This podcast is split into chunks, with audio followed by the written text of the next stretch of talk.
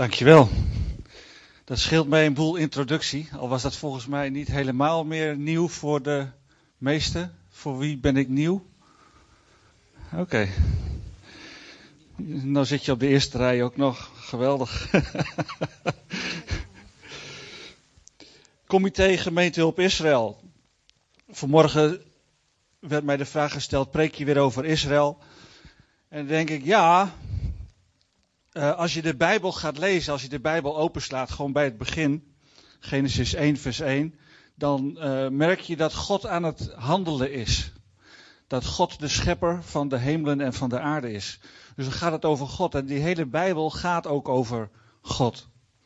Er zijn verschillende namen voor en verschillende manieren waarop hij tot ons komt. Een van die manieren is dat hij tot ons komt in Jezus bijvoorbeeld. Maar zo komt hij op verschillende manieren bij ons.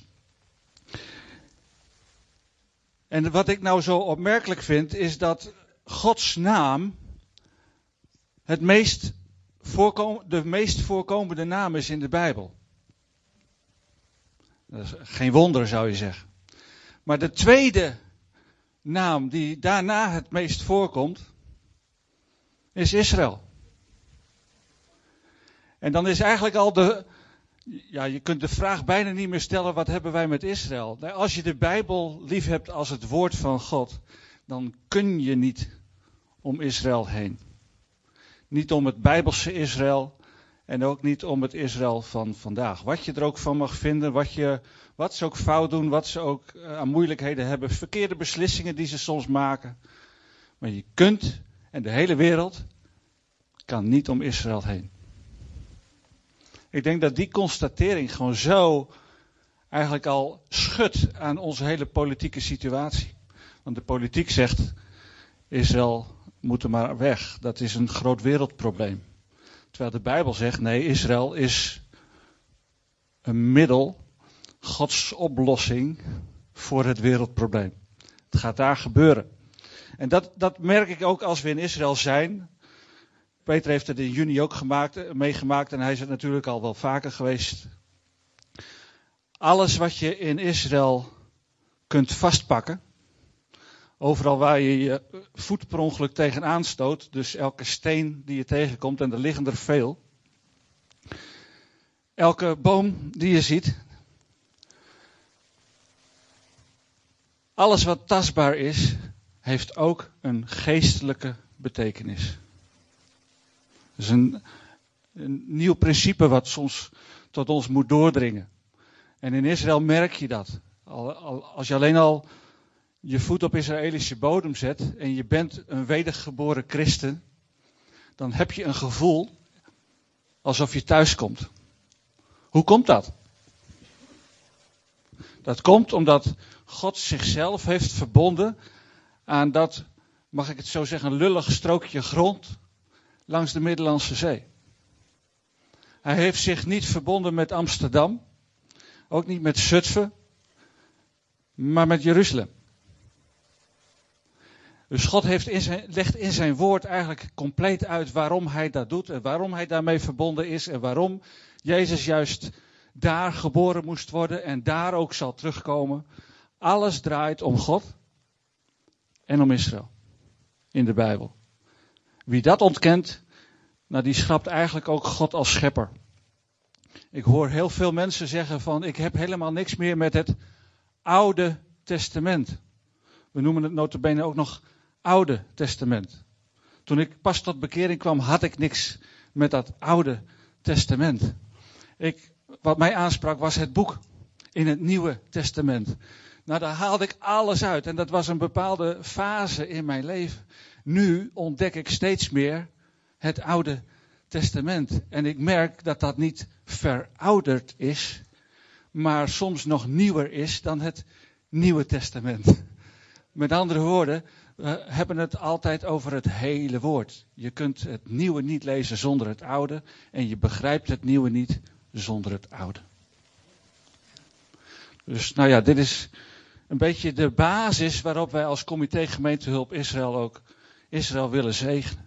Want je kunt Israël op een heleboel manieren zegenen, maar om in een bepaalde balans te blijven, om keuzes te maken, om, om bijvoorbeeld die Joden te steunen die ook in Jezus geloven, sluit niet uit dat je ook andere Joden mag en moet steunen die nog niet in Jezus geloven. Dus het is heel breed allemaal en soms wat verwarrend. Vanmorgen ben ik bepaald bij dat praktische van iets tastbaars hebben in Israël en de geestelijke les die we daaruit mogen leren. En dat wil ik vanmorgen graag doen aan de hand van een boom. Deze boom. En dat doe ik omdat het over 14 dagen, ja, ik, ik preek nou eenmaal vandaag en niet over 14 dagen op zondag. Maar over 14 dagen is er een Joods feest. Dat heet het uh, Nieuwjaar van de Bomen. Israël is een land van feesten, dat weet je. Dus ze zullen ook geen gelegenheid voorbij laten gaan om een nieuwjaarsfeestje te vieren. Het nieuw, Joodse nieuwjaar uh, is in september, zeg maar. September, oktober. En natuurlijk doen ze met uh, 1 januari ook graag mee. Want dan begint 2016. Dat hebben ze in Israël ook gewoon gevierd. En over 14 dagen heb je het, uh, het feest van de bomen. Nieuwjaar van de bomen. En dan denk je, komt dat nou in de Bijbel voor? Waarom ga ik dat nou een keuze maken om daarover te spreken? Nou, dat heeft alles te maken met wat ik net zei. Alles wat tastbaar is in Israël,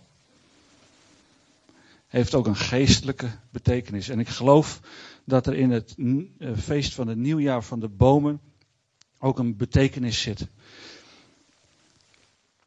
Bomen komen eigenlijk in de hele Bijbel voor als je Genesis 1 begint te lezen, dan heb je in de scheppingsdagen, nog voordat de mens er is, de aarde, de hemelen en de aarde is geschapen met alles wat erop is. En de mens wordt op de aarde gezet op de zesde dag. En dan is opeens, krijgt de mens de opdracht om die aarde te gaan verzorgen. En waar doet hij dat? In de hof van Eden. En dat is gewoon één grote bomenvlakte. En rabbijnen zeggen, en daar geloof ik helemaal in, dat de Hof van Ede, eigenlijk ook dat het centrum van de Hof van Ede Jeruzalem was. Dat daar de boom van het leven stond. En dat als je de Bijbel gaat lezen hoe groot die hof was, dat is groter dan het Israël van nu. Dat loopt helemaal door tot in Irak en Iran. opmerkelijk om dat te lezen. Maar dan gaat het over bomen. En dan hebben we het over de boom van het leven. En toen de mens in de fout viel, mocht het niet meer eten van de boom van het leven. Waarom? In vervallen staat zou je dan voor altijd vervallen blijven. Dus er moest een weg worden doorgesneden, zodat je niet meer bij de boom van het leven kon eten. Want er moest eerst een oplossing voor worden gevonden en daarna mocht je wel pas weer gaan eten, of mogen we pas weer gaan eten van de boom van het leven. Wie is en wat is die boom van het leven? Want God heeft iets tastbaars in een tuin neergezet om een geestelijke les duidelijk te maken. Ik geloof dat de boom van het leven allereerst verwijst naar Gods Torah. De eerste vijf boeken van de Bijbel, Genesis tot en met Deuteronomium. Noemt de, de Israëliërs, de Hebreeën noemen dat de Torah, Gods onderwijzing. Daar staat eigenlijk alles in wat je nodig hebt voor dit leven om te leven naar Gods wil, heilig te leven. En het is dan ook niet verwonderlijk dat op het moment dat Jezus komt naar deze aarde, dat Johannes zegt, kijk daar loopt het levende woord. Daar loopt de levende Torah. Hij doet precies wat daar allemaal staat. Hij doet Gods wil. En daar wijkt hij ook niet vanaf. Hij is perfect. Dus ik geloof dat de boom van het leven in de Hof van Eden verwijst naar Gods woord. In die situatie naar zijn Torah. Nou, heel veel kerken vandaag willen niet zoveel met de Torah. En ik geloof dat er een herontdekking moet komen wat er in die Torah eigenlijk staat. Want dan zul je merken dat wat Johannes zei, hij is het levende woord, dat dat ook klopt. Dat hij leefde volgens dat woord. Dus ik geloof dat de boom van het leven wijst op Gods woord, maar ook op Jezus. Hij is de boom van het leven. En dan heb je de volgende parallel. Elke boom die in de Bijbel wordt beschreven, worden ook vaak mensen bedoeld. Een boom is een symbool voor een mens. Kijk naar Psalm 1. Daar is een, wordt een rechtvaardige, een boom genoemd, die geplant staat aan waterstromen. Die niet op het droge staat, maar die geplant is aan waterstromen en daardoor zijn vrucht geeft op zijn tijd. En die waterstromen, dat gaat het niet om een beekje, maar dan gaat het om dat je de levenssappen van God in je opneemt. Dat je op Hem gefocust bent, dat je zijn levensadem en zijn voedsel drinkt van Hem drinkt. Dat is de bedoeling, dat is de les van Psalm 1. Dus dan worden wij, dan word ik, dan word jij vergeleken met een boom die staat aan waterstromen, oftewel aan Gods waterstromen. We zijn een jonge gemeente hier, dat merk ik. Er zitten ontzettend veel jongeren, maar er zitten ook oudere mensen. En in onze maatschappij is het vaak zo dat als je boven de 50 komt, dan word je min of meer afgeschreven. Dan wordt het solliciteren al moeizamer. Zeker als je boven de 60 bent en boven de 70, nou dan word je eigenlijk al als uitgerangeerd beschouwd. Zo niet in de gemeente en in het koninkrijk van God. Psalm 92 zegt dat de rechtvaardige in dit geval ook weer vergeleken wordt met een palmboom. En het kenmerk van een dadelpalm is dat als je hem jong plant en een klein boompje is, dan geeft hij niet zoveel vrucht. Maar hoe ouder die wordt, en eigenlijk pas na 70 jaar, prijs de ouderen gelukkig, hoe ouder je wordt, hoe meer vrucht je voortbrengt. Dat is het thema van de Bijbel. Dat is niet het thema van onze maatschappij. Maar dit is wel zoals God naar mensen kijkt. Dus oudere mensen moeten we niet afschrijven, maar die moeten we juist herkennen. Want die hebben, als het goed is, meer vrucht dan ik in het leven. Daar kunnen we van leren. Dus het, het draait ook allemaal om de bomen. Kijk naar de bomen en je leert iets over jezelf. En Jezus zegt dat ook. Aan de vrucht herkent men de boom. En dat is dan ook het thema die ik vanmorgen heb gekozen. Uit welke bron drink jij? Want uit de bron waaruit jij drinkt bepaalt welke vrucht jij krijgt.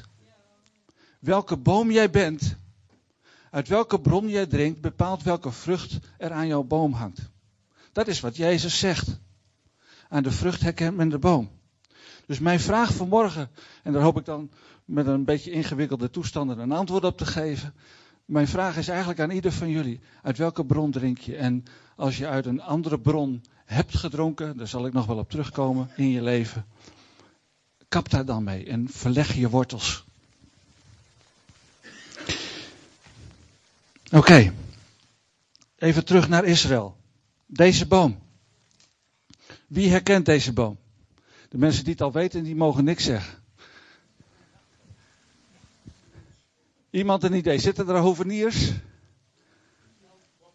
Nou, zeg maar. Wat voor boom is dit? hey, wauw. Acacia. Deze boom, ik had helemaal niet door toen ik deze foto nam, wat voor boom dit was. Ik ben geen hovenier en bomen interesseren mij wel, maar ik vond de vorm zo mooi. Deze staat in Engedi.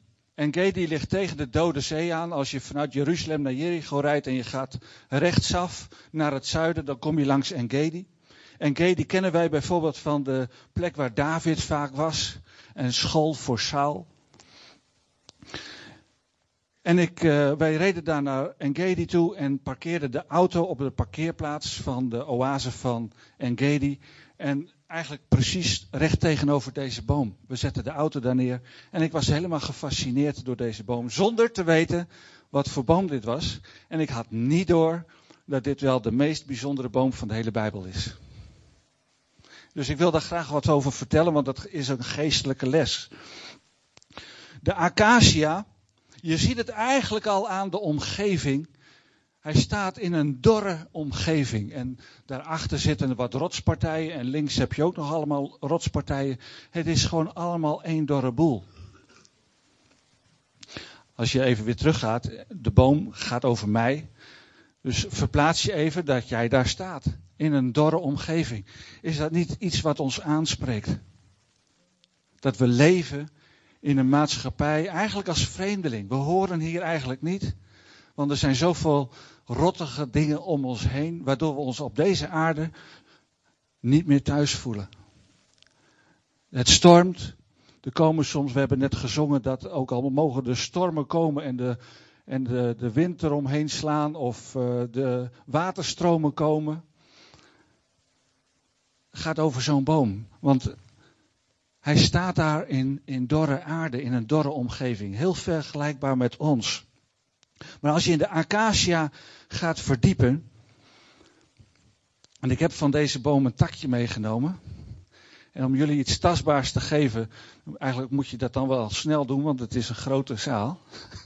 ik geef hem hier en dan krijg ik hem vanzelf aan die kant wel weer terug. Maar voel ook even wat je in je handen hebt en besef dat dit is tastbaar, maar er zit een geestelijke betekenis in. Dat geeft zeg maar ook, hou vast. Het kenmerk van acacia hout, het is het allersterkste hout wat in de Bijbel voorkomt. Vergelijkbaar met ons eiken moeilijk bewerkbaar. Maar het aparte is, ik, ik heb nou zo'n takje meegenomen. Ik hoop dat mijn achter, achter, achterkleinkinderen dit takje nog, als de Heer niet is teruggekomen natuurlijk ondertussen, dit takje nog steeds hebben. Want het verrot niet. Heel apart. Als je het hier op de grond opraapt, dan denk je, nou in Nederland, dan komt daar vocht bij en er komt houtworm in en zo. In Israël niet, met, dit, met deze houtsoort. Er kan geen houtworm in. Denk even aan wat Jezus zegt, van bind je niet aan aardse dingen waar onder andere de houtworm, de mot en de roest het aantast. Met acacia gebeurt dat niet. En, we komen er straks nog wel op terug, het kan niet verbranden. Stel, ik zou hier een vuurtje onderstoken. Ja, misschien de blaadjes en de hele kleine takjes, dat, dat wordt zwart. Maar de stam, die verbrandt niet. Het is vuurvast. En als je dat allemaal bij elkaar op gaat tellen, dan denk je, waar gaat dit over? Wat is het geheim eigenlijk van die acaciaboom? Hij staat daar in dorre aarde. Waar haalt hij zijn vocht vandaan? In de directe omgeving is geen vocht behalve de Dode Zee. Nou, daar kan een boom ook niet van leven.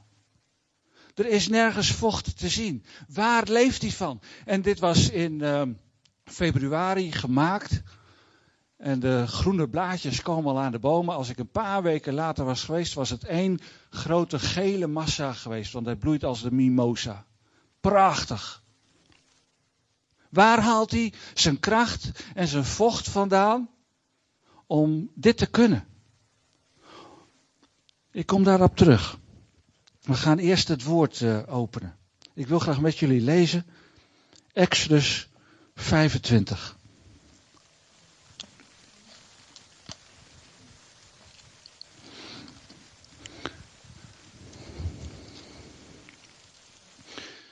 Want we willen natuurlijk nu wel weten waarom deze boom zo bijzonder is in de Bijbel. Exodus hoofdstuk 25, vanaf vers 10. Ook staat daar, moeten zij een ark van acaciahout maken. Zijn lengte moet 2,5 L zijn, zijn breedte 1,5 L en zijn hoogte 1,5 L. U moet hem met zuiver goud overtrekken van binnen en van buiten. Moet u hem overtrekken en er aan de bovenkant een gouden rand omheen maken. Nou, dan krijg je een heleboel informatie over, over die ark. En dan lezen we in vers 21. Vervolgens moet u het verzoendeksel op de ark leggen. En de ark moet u de getuigenis leggen die ik u geven zal. Dan zal ik u daar ontmoeten. Van boven het verzoendeksel en van tussen de twee gerubs die zich op de ark van de getuigenis zullen bevinden zal ik met u spreken over alles wat ik u voor de Israëlieten gebieden zal. Moet je even nagaan. Israël is net uit Egypte gekomen, zwerft daar in de woestijn als een heel volk met meer dan een miljoen mensen. En dan geeft God aan Mozes de opdracht om iets te maken waar hij onder ons mensen kan zijn. Dat staat in het, in het vorige hoofdstuk. Hij wil graag onder ons mensen wonen. Hij wil onder ons verblijven. Hij wil, om het met nieuwtestamentische termen te zeggen, hij wil Immanuel zijn. Hij wil onder ons wonen. En dan kiest hij materialen uit die helemaal passen bij deze aarde, zoals een acaciaboom, om iets van zichzelf te weerspiegelen. Want als je kijkt naar al die materialen die worden gebruikt en al de kleuren die worden gebruikt, dan is dat eigenlijk een plaatje van wie God is of wie Jezus is. Dat is heel opmerkelijk. God kiest aardse dingen uit om te laten zien wie Hij is. Hij wil dat wij, als wij kijken naar deze boom, begrijpen wat Hij daardoor wil zeggen. En dat, dat vind ik zo boeiend. En dan gaat hij iets maken, een kist, notabene, gewoon een houten kist van acaciahout. Met al die kenmerken die daarbij horen, wat ik net allemaal opnoemde, vuurvast enzovoorts. Kan niet worden aangetast, is eigenlijk perfect. Beeld van Jezus, beeld van de Messias. En dat ook nog bekleden met goud. Niet alleen maar aan de buitenkant, van nou dat lijkt dan mooi van buiten en als je de deksel eraf had, nou dat is een tegenvaller. Nee, ook de binnenzijde van goud. En dat, dat doet mij denken aan de ark van Noach. Want de ark van Noach werd met pek bestreken. Van binnen en van buiten. Nou, die twee dingen, goud en pek, zijn een beetje aan elkaar gelinkt. En je zou eigenlijk moeten zeggen, hij is van binnen en van buiten verzegeld door de Heilige Geest. Dus die kist waar je naar kijkt, met die gerubs erop, die engelen, is een weerspiegeling van wie hij is voor ons mensen. En hij doet dat gewoon door aardse dingen. Zodat wij leren zien met onze natuurlijke ogen dat het over hem gaat. Want natuurlijk wist Mozes dat al die kenmerken bij die acaciaboom hoorden. Wij zijn dat natuurlijk vergeten. Maar we mogen daarvan leren dat die acaciaboom iets weerspiegelt van wie God is. En weet je wat ook nog opmerkelijk is? Als je naar de kleur kijkt van die houtsoort, die is bloedrood. Gaat dat niet over iemand? Ik zei net, die kist van acaciahout. Acaciahout is het moeilijkst te bewerken houtsoort. Als God Mozes de opdracht geeft om allerlei spullen te maken voor de tabernakel, dan zit Mozes eigenlijk met zijn handen in het haar. Want God geeft bijna een onmogelijke opdracht. Ga dingen maken van acaciahout, fijn gesneden houtwerk. En er staan allerlei details in Exodus, moet je maar eens gaan lezen thuis, over allerlei uh, mooie granaatappeltjes die mo moeten worden uitgekerfd. Nou, doe dat eens met een harde houtsoort. Daar is geduld voor nodig, er is doorzettingsvermogen voor nodig, maar vooral geloof dat, dat je dit moet doen van God. En als je Exodus leest, dan zegt God ook van ik ga mensen klaarmaken voor deze taak en die ga ik begiftigen met mijn heilige geest, zodat ze het ook kunnen. En ik denk, dit is precies mijn leven. Ik kan helemaal niet doen wat God van mij vraagt. Dat is perfectie. Dat, is, dat gaat boven mijn pet. Hij zal mij iets moeten geven in mijn innerlijk, waardoor ik in staat ben te doen wat hij van mij vraagt. Dat is de les die wij hieruit mogen leren. Wij hebben Hem nodig om te beantwoorden aan wat Hij graag wil zien. En dan denk ik, ja, God kiest gewoon aardse dingen uit. En hij kiest ons mensen uit, aardse mensen, om zijn wil te doen. En hij geeft je daarvoor ook nog goud van buiten en van binnen. Jullie zijn, als je een wedergeboren christen bent, als je zijn geest hebt ontvangen, zijn jullie van buiten van goud, maar ook van binnen van goud. Gooi jezelf dus niet weg. Je bent van goud van binnen en van buiten. Net zoals die ark dat was. Dus de aardse dingen lijken op andere dingen. Nou, dit lijkt ook op iets, iets hemels, iets moois, iets perfects. En daar sluit Paulus ook bij aan als hij het heeft over al die aardse dingen die wij zien. Zo'n tabernakel die wij zien, een tempel die wij op aarde zien, een boom die wij op aarde zien. Dat is eigenlijk iets verborgens. Paulus noemt dat een schaduw van iets anders, van de werkelijkheid. Dat doet, zegt hij in Colossense 2 vers 17. Al die dingen die op aarde zijn, zijn een schaduw van de werkelijkheid. Ik kan het hier moeilijk doen, maar als ik mijn hand voor de beamer zou houden, zou je mijn schaduw zien op de wand. En die schaduw is alles wat je op aarde ziet. Aan bomen, aan tabernakel, aan tempel. Dat is een schaduw. Dat is wel echt, want je ziet het, met je natuurlijke ogen kun je het zelf zien. Maar het weerspiegelt een andere werkelijkheid. Nou, daar wil ik ook met jullie naartoe. Dan ga ik naar het boek van de Hebreeën. Hebreeën, hoofdstuk 9. Ik hou ervan om altijd een bruggetje te slaan tussen het Oude en het Nieuwe Testament. Om te laten zien dat er niks nieuws is. Dat het allemaal hetzelfde vertelt. Hebreeën hoofdstuk 9 vanaf vers 1. Daar staat, nu had ook het eerste verbond verordeningen voor de eredienst en het aardse heiligdom.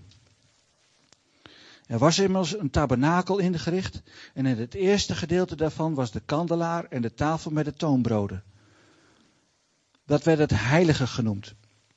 Maar achter het tweede voorhangsel was het gedeelte van de tabernakel dat het heilige der heiligen of het allerheiligste werd genoemd. Met een gouden wierookvat en de ark van het verbond, daar hebben we hem weer, die geheel met goud overtrokken was. In deze ark lagen de gouden kruik met manna en de staf van Aaron die gebloeid had en de stenen tafelen van het verbond. Het gaat allemaal over de Messias. Dat gaat allemaal over het woord van God.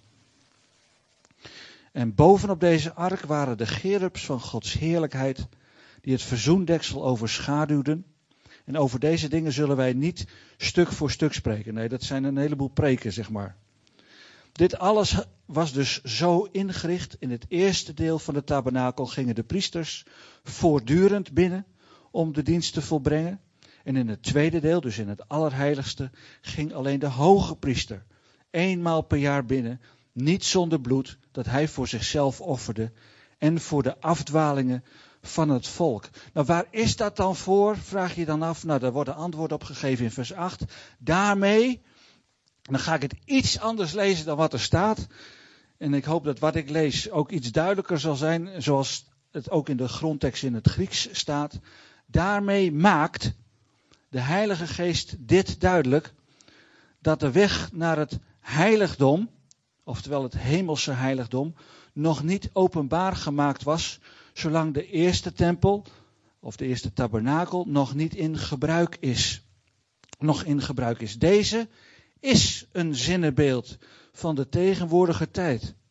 In overeenstemming daarmee werden er gaven en slachtoffers geofferd die niet in staat waren om hem die de dienst verrichtte, wat zijn geweten betreft, tot volmaaktheid te brengen. Wat, wat hier eigenlijk wordt gezegd is, je hebt een aards heiligdom waar voortdurend uh, slachtingen plaatsvinden.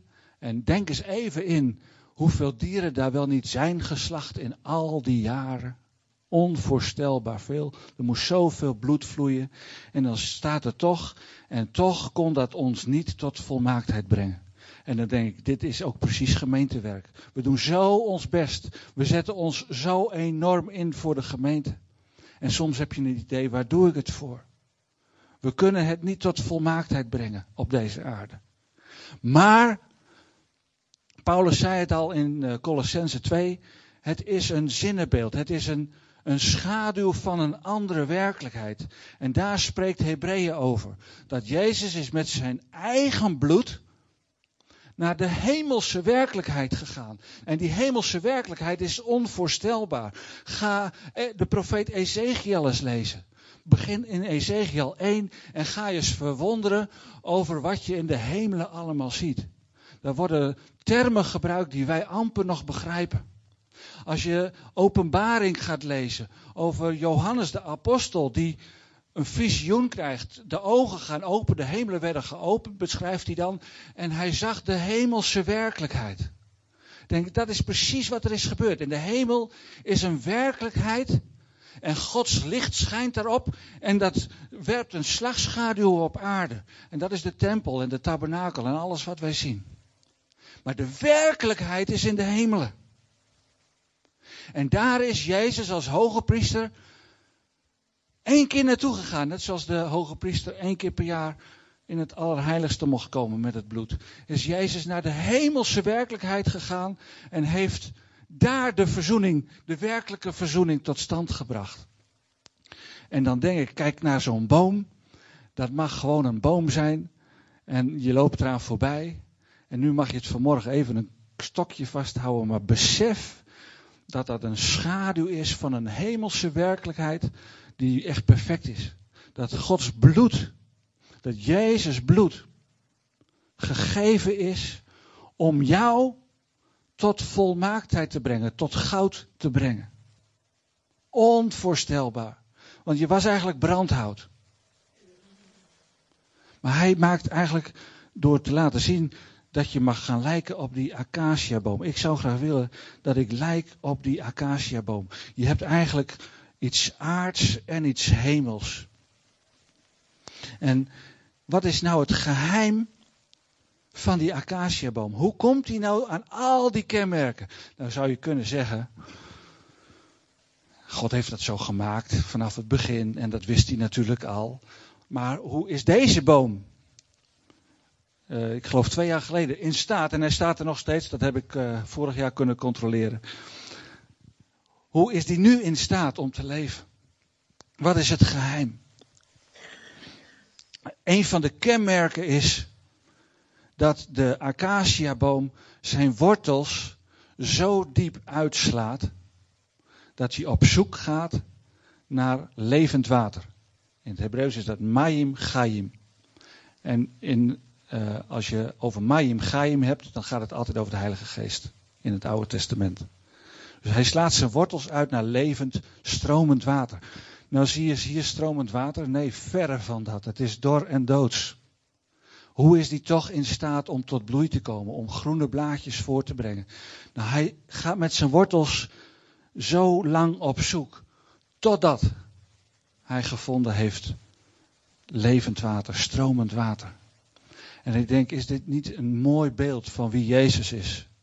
Hij is zo verbonden met zijn vader dat hij uiteindelijk kan zeggen, ik en de vader zijn één.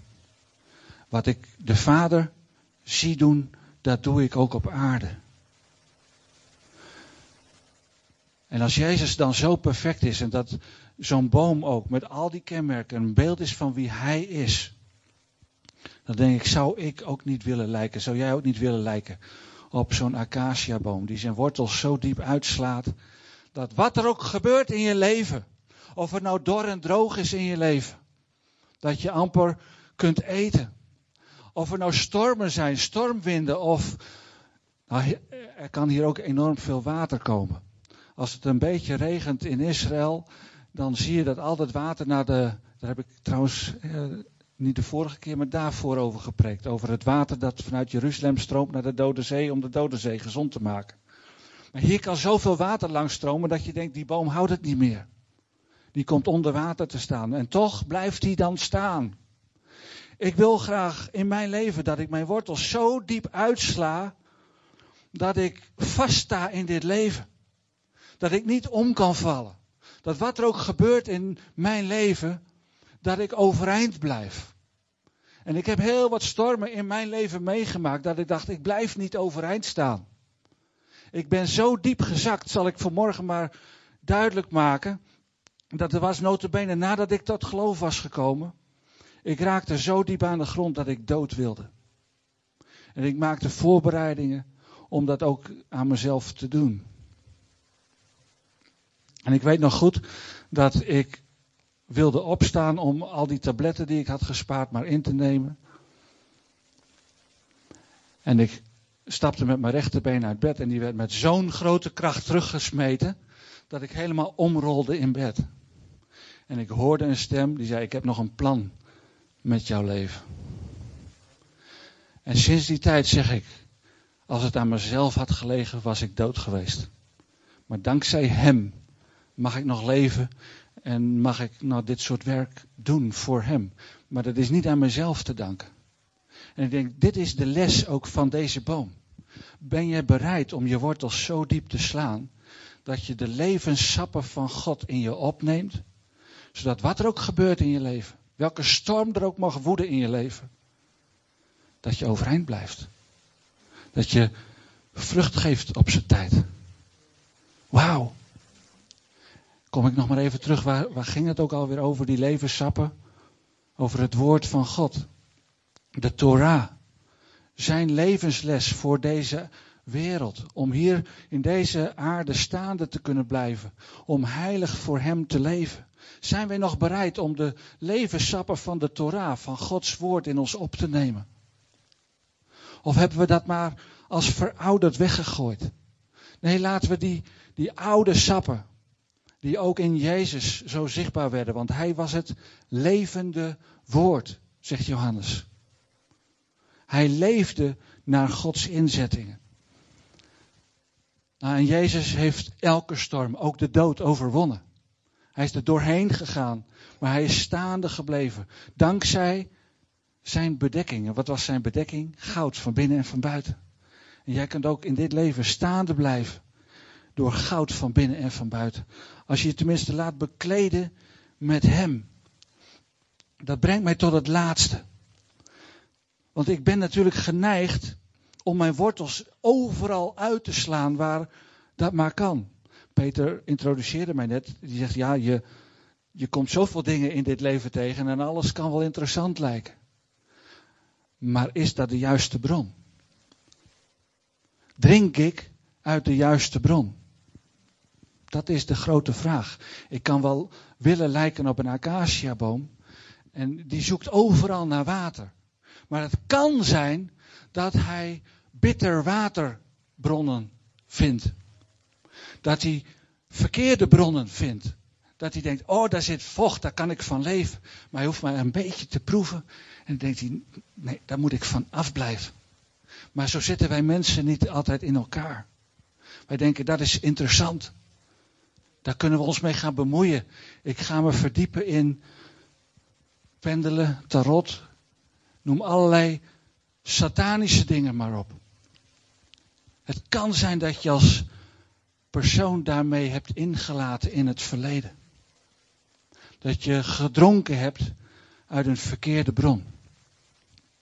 Ik werd daar gisteren zo enorm bij bepaald. Ik zag een filmpje van 19 december vorig jaar in Amerika. Met toestemming van Obama hebben satanisten, dus de Satanskerk, een soort openluchtdienst gehouden. In Michigan. En hebben daar verklaard dat zij lak hebben aan Gods woord. Lak hebben aan christenen. Aan godsdienst. En dat er nu maar eens vrijheid moet komen. Vrijheid van seks, vrijheid van geld, alles vrij. En dat klinkt natuurlijk ongelooflijk lekker. Maar we zullen nu opstaan, zeggen ze, en we zullen alle belangrijke posities in de maatschappij gaan innemen. We zullen specifiek gaan solliciteren als burgemeester en dan, dan noem maar een heleboel dingen op. Ik denk, dit gebeurt daar, maar hier ook. Zijn wij nog bereid om als gemeente de juiste bron aan de maatschappij aan te bieden? Als wij niet zelf niet uit de juiste bron drinken, kunnen wij dan staande blijven? En ik geloof dat het goed is dat wij ons gaan uitstrekken naar het levende water van Gods geest. Dat we niet genoegen nemen met een paar druppeltjes, maar dat we zeggen wij, wij willen, ik wil mijn wortel uitslaan naar het levende water en daarvan drinken. En als ik mijn wortels verkeerd heb uitgeslagen, ik ga, ze, ik ga ermee kappen. Ik wil ermee kappen. Ik ga ze verleggen. Want ik wil mij weer verdiepen in zijn hele woord. En niet het halve, niet de laatste helft, maar het hele woord. En dat op mij in laten werken. En de belofte die God daaraan verbindt, die staat ook in zijn Torah. Die zegt, als je gaat houden aan de dingen die ik je opdraag, en dat zijn gewoon simpele dingen. Niet moeilijk te houden dingen. Als je daaraan houdt, dan zal het je wel gaan. Als je houdt aan mijn inzettingen. Een van die voorbeelden, ik noem hem vaak. Dat is dat in de Torah staat dat als je een huis bewoont met een plat dak, dat je er een hekje omheen moet bouwen, zodat je er niet vanaf kunt vallen. Heel veel mensen denken dat de Torah gaat over het zelfverdienen van het hiernamaals. Niets is daarvan waar. De Torah gaat over hoe kun je nu een goed leven leiden zoals God het van je vraagt. Lang leven hebben en voorspoed. Nou, dan moet je een hekje om je dak gaan bouwen. Want als je er vanaf valt, ben je dood. En dan heb je geen voorspoed en geen leven en geen toekomst. Dus zegt God in zijn woord, bouw een hekje. En dan, als je kleine kinderen thuis hebt, dan bouw je een traphekje voor je trap. Dat is Gods Torah in praktijk brengen. Dat is precies wat Jezus deed. Dus gaan we niet allemaal geestelijke dingen bedenken, maar we gaan gewoon het leven van God toepassen in dit leven van nu. Dat is Torah doen. En dan denk ik, dat is een uitdaging voor ons om te doen. Ik wil je vragen om te gaan staan. Want ik geloof dat het tijd is dat we keuzes gaan maken. En misschien is het ook goed als, als de muziek alvast naar voren komt. Als je door dit woord bent gegrepen, niet door, door wat ik heb gezegd, maar als je door mijn woorden heen God tot je hart hebt horen spreken, dan nodig ik je uit om naar voren te komen. Om, als er mensen zijn van de pastoraten, dat die ook naar voren komen. Ik geloof dat vanmorgen een verschil gemaakt gaat worden. Ik was zo gefocust op satanisme gisteren. En satanisme is er in ontzettend veel vormen. Ik weet nog toen wij kleine kindertjes hadden. En ik nog niet eens echt tot bekering was gekomen. Dat wij dachten van wij willen eigenlijk wel weten wat er in de buik zit. En wij gingen een, eh, een, een touwtje of een kettingje met een ringetje eraan bewegen boven de buik. Klinkt zo onschuldig. Maar het is de tegenpartij. Het is de verkeerde kant. Het is de donkere kant. En er zijn talloze manieren, ook met kaarten, tarot, noem het maar op. Als je dat in je leven ooit hebt gedaan en je bent daar niet los van, in je gedachten. Als je denkt, ik ben beschadigd in mijn leven door dat wat anderen mij hebben aangedaan. En daardoor ben ik gaan drinken uit een verkeerde bron. Kom naar voren en verleg je wortels. Geneer je er niet voor, want het is een, het is een zaak van leven en dood. Ik geloof dat het belangrijk is dat we een keuze gaan maken vandaag. En die keuze is er ook voor die mensen die nog niet eerder hun wortels hebben uitgeslagen naar God, naar Jezus. Die eigenlijk zeggen, ik heb nog nooit die keuze gemaakt. Verbind je dan nu met het levende water van Gods geest. En laat voor je bidden. Zullen we gaan bidden? En ondertussen, als je aangesproken voelt, kom gewoon naar voren. Laten we gewoon familie onder elkaar zijn en elkaar helpen en bijstaan. Het gaat er niet om dat we met stromen mensen hier staan, maar dat je echt verbonden wilt voelen met zijn levensgeest. Vader in de hemelen, wij willen u aanspreken als onze God. U bent de schepper van de hemelen en van de aarde. En u bent ook de schepper van mij, van ons, zoals wij hier vanmorgen zijn. En u hebt ons gemaakt om te leven voor u.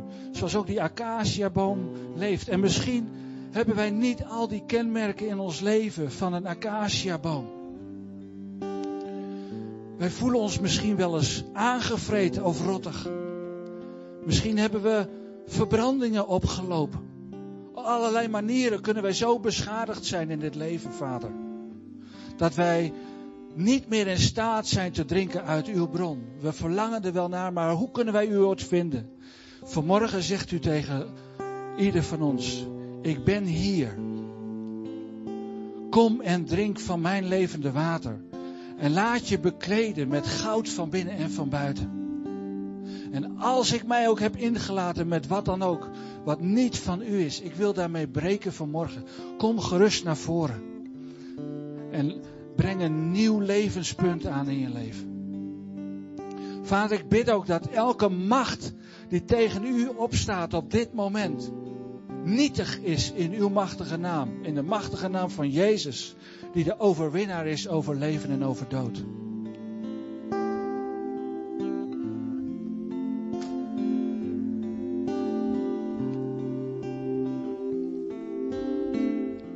Misschien heb je zelf op dit moment een gebed op je hart. Om dat uit te spreken. Dat je iets in orde wilt maken. Of dat je hem juist wilt danken voor de levenssappen waar je uit mag drinken. Halleluja.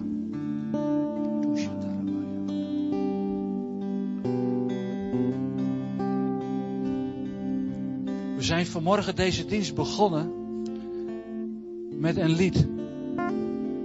En ik geloof dat dat het juiste lied was om vandaag mee te beginnen. God maakt vrij. En als je bereid bent om dat te doen, om dat te willen, en je vindt het moeilijk, maar kom gewoon naar voren. Luister naar de zachte stem van zijn geest. Er is hier geen veroordeling. Er is hier zegen en overvloed. Er is hier goud. Drink van dit levende water en je zult zijn als een acaciaboom. Vuurvast, rotsvast, stormvast.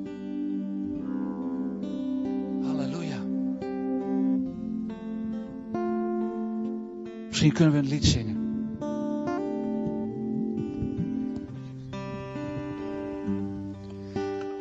Ja, dankjewel, Siep, sowieso voor het woord. Um, vanochtend kwam iemand naar me toe, die had een indruk van de Heer. En ik dacht van nou, ik weet niet of dat gaat matchen met uh, Israël vandaag, maar ik denk dat het heel goed gaat matchen.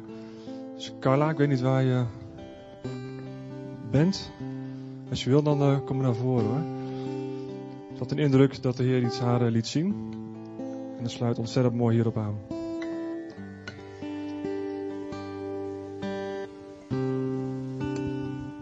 Goedemorgen. Um, ik zat achterin in de dienst en en uh, God liet me allemaal dingen zien. Ik zat eigenlijk gewoon te genieten van mensen en van dingen die ik wist wat God had gedaan aan herstel. En, uh, en ik weet niet of ik dat zo mag zeggen.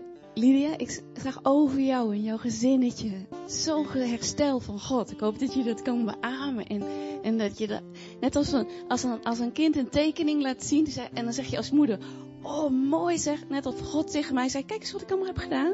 En dan ik mocht zeggen, oh mooi zeg. En, uh, en, en net als God zegt, um, wees je bewust dat ik herstel wil geven. En, en dat elke situatie in families die zo onmogelijk lijkt dat je denkt, goh, in, in geen jaren kan hier iets gebeuren of veranderen. Dat God zegt, maar ik werk van bovenuit en ik heb overzicht van alles. En, uh, en wees je bewust dat jij soms de enige persoon kan zijn die dat kan doen, die dat kan doorbidden, die dat kan bewerken. Niet uh, dat, dat jij het doet, maar God door jou. En ik wilde eigenlijk mijn verhaal daarbij vertellen.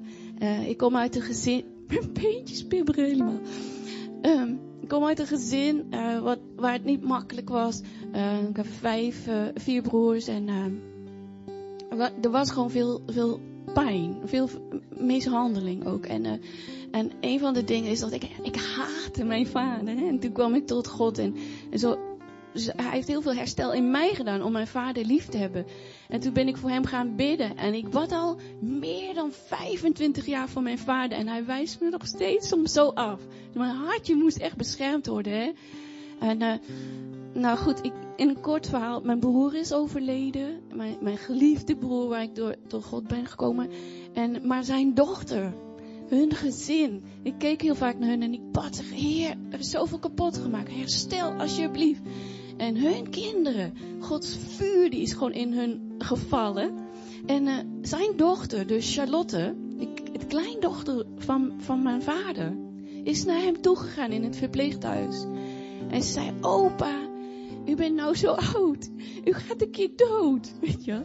En ik wil niet dat u God mist. En die heeft gewoon nog een keer het evangelie uitgelegd. Wij, wij konden dat niet, wij mochten dat niet. Hij werd zo kwaad. En, en heel stil heeft hij zo gezegd, ja.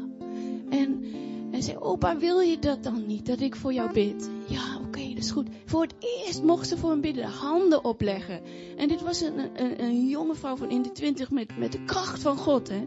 En toen zei ze, opa, ik wil graag dat jij je laat dopen. Het is zo raar voor mij, snap je dat? Na al die gebeden, en ik hoefde er ook niet bij te zijn, maar dat dat, dat zaad is doorgegaan. En dat God gewoon zegt, er is geen eind aan wat ik kan doen als jij blijft bidden. Als jij blijft verwachten en een pilaar blijft zijn van mijn herstel. En dan zie je situaties. En ik zat achterin en ik, het was net of God zo strooide. Daar, kijk eens wat ik heb gedaan. En ik zei, ja, ja, ja, wat bent u mooi. Goed, en, en, en uh, over mijn vader dan. Uh, Charlotte is, uh, dit is natuurlijk inside informatie, maar is echt aan het plannen om hem gewoon in stilte, waar niemand bij is, te dopen. kleindochter en opa. Ik weet ook niet of het gebeurt. Ze zei ook, ik hou heel veel dingen tussen hem en mij. En ik kan je voorstellen, ik bid al bijna 30 jaar voor hem. En zo wil ik jullie ook gewoon bemoedigen. Dat wij situaties hebben in ons leven, broers of zussen, ouders, waarvan je denkt, dit kan niet verschuiven. Hè? En toch doet God dat via zo'n omweg. Of, of, uh, uh, maar goed, ik, ik zag herstel over jullie, over sommige gezinnen. En eer, hè, kunnen we God voor eren. Hè? Ik geloof dat ik het zo heb samengevat. Ik sta hier een beetje onverwachts. Oké, we gaan een uh, lied zingen. Als je zoiets hebt van, nou, ik, spreek me aan, dit is voor mij. Kom lekker naar voren, laat voor je bidden. Aan de beide kanten staan uh, mensen die je verder kunnen helpen. Samen.